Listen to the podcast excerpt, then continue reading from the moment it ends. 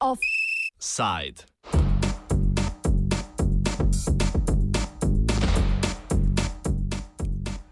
Koto tamo kuda.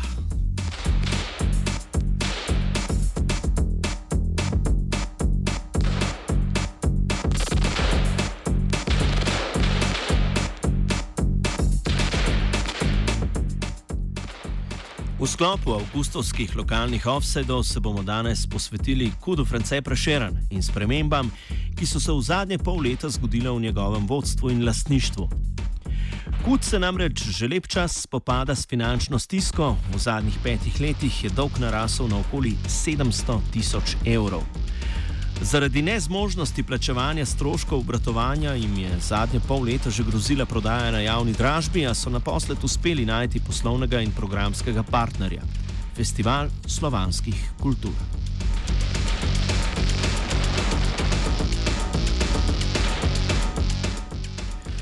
KUT oziroma s polnim imenom Kulturno-umetniško društvo France Prešeren Trnovo je z organizacijo kulturnih dogodkov začel že leta 1919, ko je na mestu današnje stavbe stal še hlev.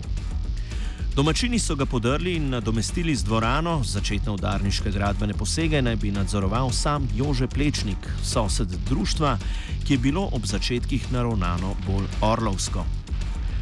V 70-ih so dozidali avlo pred dvorano, ob koncu naslednjega desetletja so podrli staro kmečko hišo, ki je zajedala cesto, in leta 1990 postavili objekt z današnjim točilnim pultom, galerijo in delovnimi prostori.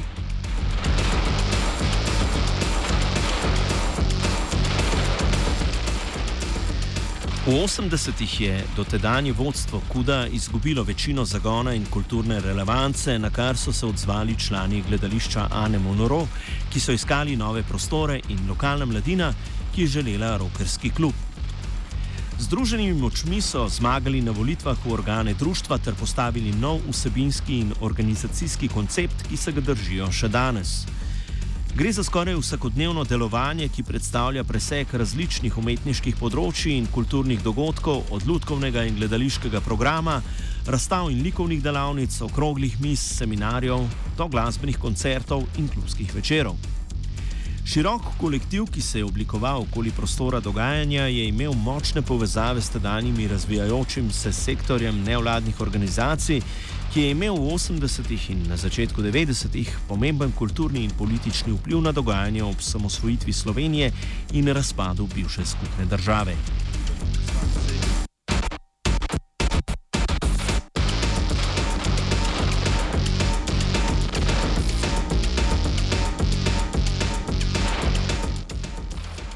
Osamosvojitev in tranzicija pa sta s seboj prinesli tudi nov model kulturne politike in predvsem njenega financiranja. Željko Pelicon, ki funkcijo tajnika Kuda upravlja že od leta 1987, povzame današnjo situacijo. Najbrž je večini jasno, da je Kud bil desetletje v finančnih težavah, ki so se potem z krizo zelo stopnjevale. In leta 2013 so pač odločevalci spoznali, da naš program ni vreden njihove podpore. In od leta 2013 smo bili praktično klinični mrtvi. Ne?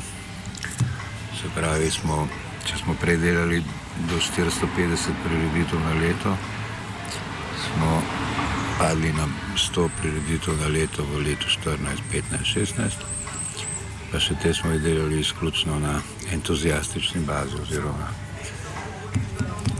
Tako da to je zdaj sicer del širšega konteksta v tej državi, ne? ker pač nevladne organizacije so pač izrivane, kjer se le da iz javnega prostora, oziroma jih prevzemajo njihove dejavnosti javni zavodi. To se je začelo ne vem točno leto, ampak ministrica je bila Majda Širca, takrat za kulturo, ko so izbruhov bazen kinili.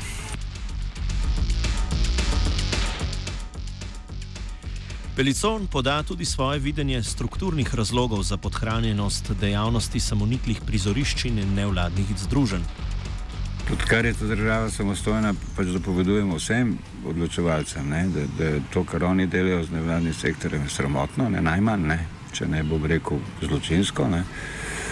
Uh, ampak za res poskusov spremenbe je bilo samo enkrat in to v času, ko je bila Vika potočnik županja, se je takrat še neformalna združba, ki je danes rečemo asociacija, dogovorila z mestnimi oblastmi, se pravi in z županjo in z uh, večinsko svetniško skupino, je bila takrat LDS in za predsednikom odbora za kulturo, ki je bil pokojni Petr Božič, da bomo to skozi leta za procenti se pač povečevalo, da bo ratalo vsaj primerljivo z evropskimi jajci. Ne? Ampak edini krat, ki se je zgodilo, se je zgodilo pač takrat v njenem mandatu, ampak samo v enkrat. Ne? V enem letu so povečali za mislim, 20 ali nekaj takega procentov delež sredstva za nevladne organizacije v kulturi, nadaljevanja pa ni bilo. Ne? In potem to je že zdavne požrla inflacija. Potem je uh, šel Soros iz, iz Slovenije, ki je v bistvu nevladnikom razdelil na leto več kot milijon dolarjev. Ne? In to se je zelo poznalo, to je bilo na prelomu tisočletja. Potem so prišla evropska pogajanja, pa uvedba uh, uh, evra, ki je pač burila ene cene v nebo, naše cene pa dol. In pa imaš še spremembo kadilske zakonodaje, ki je totalno spremenila državno življenje po zimi, ki bo spet udarec za nas, ker po zimi praktično je krava v zarah, komi, komi za sebe zaslužila. Ne. In, in, in pol je prišla pa še kriza na koncu, neko pač unij formalni razlog, zakaj do konca zatreti stvari. Ne. Čeprav že recimo, ne vem, župan, ko je prvič nastopil mandat, je napovedal, da bo pač skresel vsem nevladnikom za 20%. Nam sicer niso takrat, ampak so pa ostalim pa so. Ne,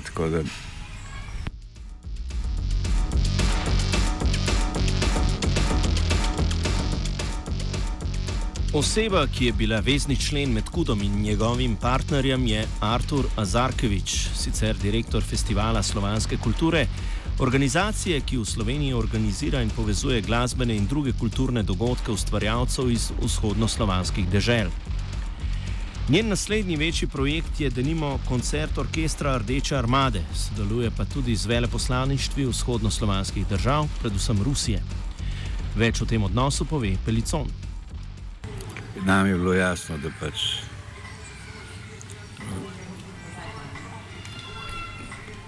furamo nekaj, kar je na dolgi rok nevzdržno.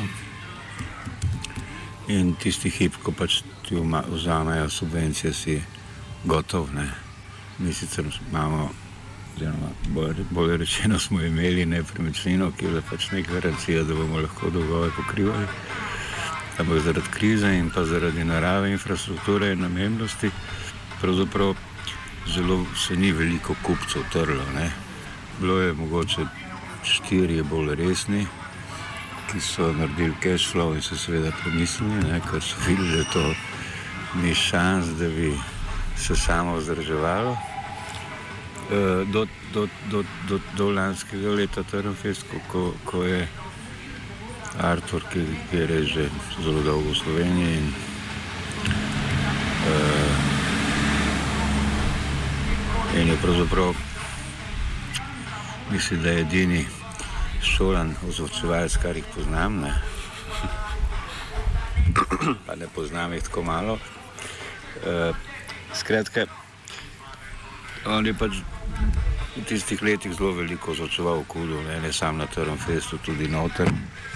In potem se je začel pa še s strehami ukvarjati, ne, tako da smo še njegovo streho tlele na Trnfestu imeli kar dolga leta. In moram reči, da smo dobro sodelovali vedno. E, lani nas je pa rešil v bistvu s tem, da nam je streho posodil, ker nismo imeli denarja za njo. E, in potem smo se začeli pogovarjati pač o teh možnostih, ne? skratka o investitorju in pa sodelovanju Festival slovanskih kultur, investitor pa mi. No, In kako je steklo sodelovanje? Potem na koncu smo po parih mesecih prišli do, do tega, da pač mi nepremičnino njim za pokritje kudovih dolgov poravnamo. E, kot naj bi ostal v Bajti, poleg festivala seveda, in pod nekimi ugodnejšimi pogoji oziroma pogoji podobno kot festival, ne, ki so pač bolj ugodni kot za neke zunanje, recimo, ampak to bomo še videli, kako bo. Uh, in pa da se vsaj eno leto ni najemnine. Ne. Zdaj, ali bomo mi to znali izkoristiti, ne, ker neko olajšanje je, če delaš z nulo, pa če nimaš več te uteži, ki se ji reče nepremičnina, nekaj nas je skozi črpala sredstva, ker pač smo jih morali sami generirati za karkoli od te eh, popravila, vzdrževanja, bla, bla, bla. Tako da bomo videli, no, kako bo to. To je zdaj v grobem vse. Ne. Zdaj pa investitor je pripravljen še naprej investirati, ne v tretji krak, pa, pa v obnovo tega starega dela, pa bomo videli, ne, kaj bo čas prinesel.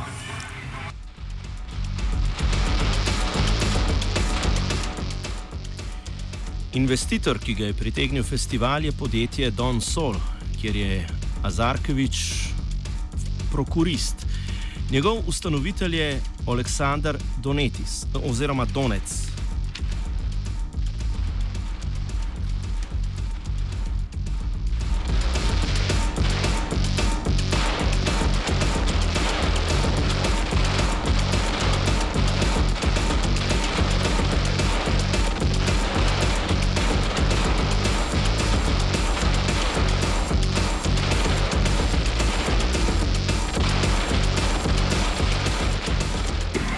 Bi ga ocenil kot investitorja, ki, ki ne gleda na profit. No? Tako bom rekel. Ne? Ker, ker eh, to je jasno, da, da, da ne bomo zdaj vsako leto dajal noter še denar za to, da bodo ustvarjalci živeli, ampak že če bo uspel vzdrževati samo nepremičnino, da bodo lahko ustvarjali noter, je že to tak uspeh, da v bistvu dvomim, da bomo ostali kaj dosti za kakšno rentico. Ne. Mogoče s časom, če se bomo bolj podjetno, pa malo bolj tržno obnašali, kot smo se do zdaj. Ne. Uh, ampak ne, tukaj je razvojni potencial, ki smo ga že mi videli, sami nismo zmogli ne, tega. Da bi pač ta tretji krak, da bi postavili neko kot Jus Hostel, da je tudi takrat, ko je država za mladinske centre razpisala to, ne? pa smo se mi leta trudili, ne, da bi to razpisala. In, uh, in smo že imeli idejni načrt in vse je bili redi, potem je pa država odločila, da lahko samo javni zavodi kandidirajo. Ne? In smo dobili cel kup plus hoslov po, po Sloveniji, ki so jih javni zavodi, razen mariborski pekarni, ker so šli pekarnari v španovijo z javnim mladinskim centrom, ne, so vsi ostali samo javni. Ne, tako da to nam pač takrat ni uspelo in tukaj nam je, se nam je zdelo, da je poleg prenočiš za gostujoče ustvarjalce še neka možnost kakšnega dodatnega zaslužka. Bla, bla, bla. Zdaj pa, če bojo oni tako naredili, ne, uh, bomo pa še videli, ne, veš, pa koliko bo to preneslo spet, ker zares v kudu je bila edina krava, muzara prava, ne, je bil šank, pa ni bilo več drugega. Ne. Če bi imeli to, bila druga krava, nekaj dobiš od stopnine, ampak to je že pa, pa od gostovanja, ampak pa sponzorjev in tako naprej. Ampak to je pa že zelo, bom rekel, procentualno gledano zanemarljiv prihodek. No, tako. tako da mi smo morali več kot pol denarja vsako leto sami zaslužiti. Ne. Recimo, da smo tam 40 do 45 imeli javnih subvencij. Tako da, da se na nek način samo treba kar delati dorak.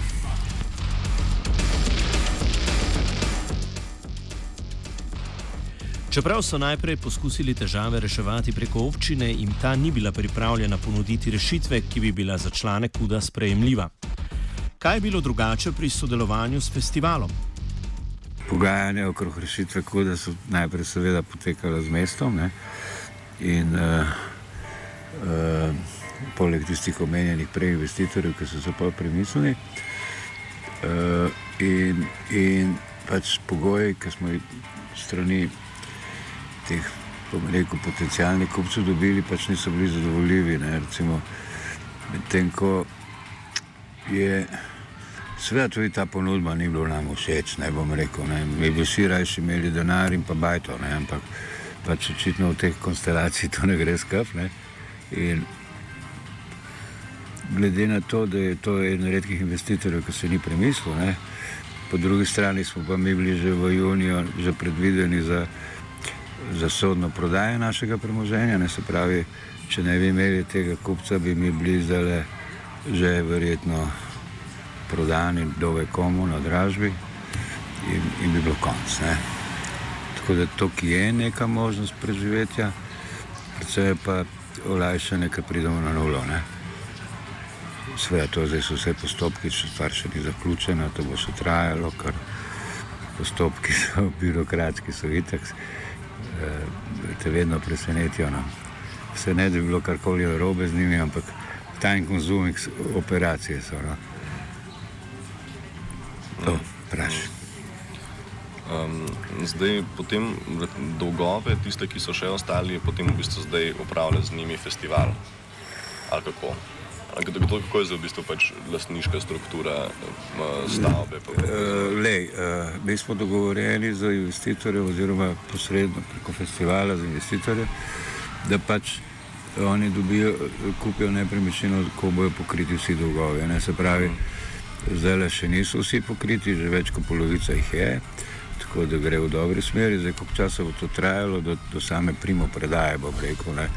je stvar tudi od cash flowa pri investitorju. Ne. Ampak zaenkrat kaže, da bo to mogoče enkrat v septembru dokončno prišlo do primo predaje in bo potem pač nekdo drug moral skrbeti za elektriko in te stroške, ne pa več mi. Uh, takrat pa še vedno smo mi formalno kao lasnik in pokrivamo vse te stroške od elektrike, bla, bla, bla, bla naprej. Ne. Sam da je pač nek optimizem, je pač le, kot ko vidiš, da je že več kot polovico dolgov pokritih, predvsem pa so oni upniki pokriti, ki so hoteli nas na, na sodno dražbo spraviti.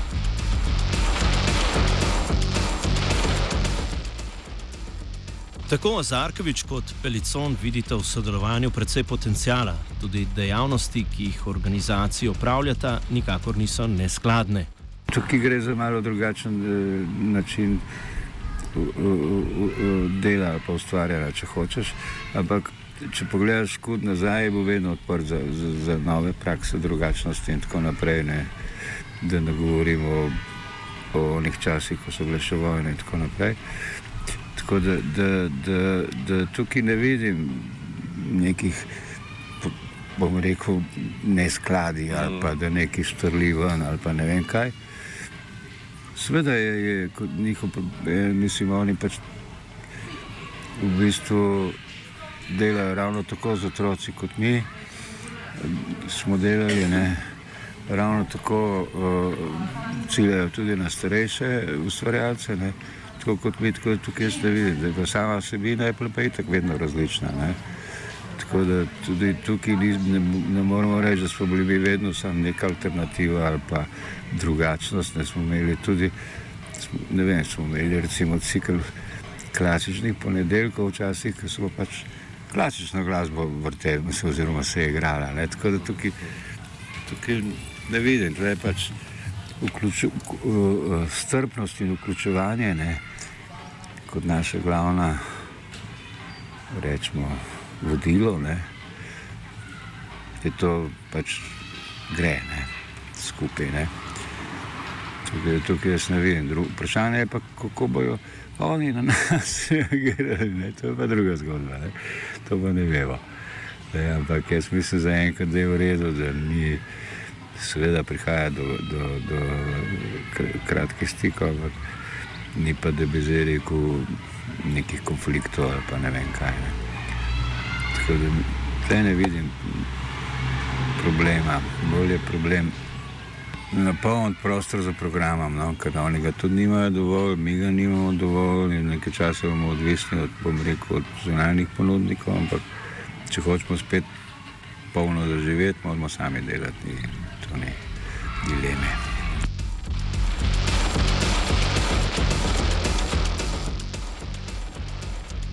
Azarkovič je kot eno izmed možnih prihodnosti navedel Združenje kolektivov v Center slovanskih kultur France Prešeran ali kaj temu podobnega. Trnfest kot najbolj prepoznaven izvajani projekt pa ima vsaj za naslednjih par let zagotovljen obstoj. Na dogajanje ta teden z naslednjimi besedami vabi Pelicon. Glede na to, da delamo že četrto leto Beraški festival, ne se pravi, da pač žicamo ustvarjalce, da pridejo nastopati za stojn, se mi zdi, da je še glavna, glavna uh, dimenzija je ravno to, da pač pridejo lahko tudi neki sveži obrazi, ki mogoče drugače ne bi nikoli pa še na Trnfest v drugačni konstelaciji. In tle in lani in mislim, da imamo kar uspešno roko ali pa srečo ali pa kar hočeš. Recimo to, kar si ti prej govoril o jutrišnjem, ne, uh, Tom Sex Tape, ne, to se mi zdi taka privlačna poteza, ki upa, da bo uspešna in da ko bo pa odmevna, bomo pa videli. Ne. Gotovo je v sredo zanimivo prijetno Martina Lumber, ki je pač starosta bom rekel, indijske klasične glasbe pri nas, oziroma učenec Ravi Šankerja, ne, kar pa je meni še boljše ne, zapovedati za javnost, je pa, da je to v bistvu pevec, ki je verjetno največkrat predvajan bil v Sloveniji, zato ker je kot otrok zapeval eno od kekčevih pesmi. Ne. Ja, tako da je to je kultna figura, kar se mene tiče. Pa tudi po zvečer noter bo, bo DJ zvuk naredil, bom rekel, on itak bolj fura to orientalsko podloženo elektroniko. Tako da bo kar tak, se mi zdi, žmohtan.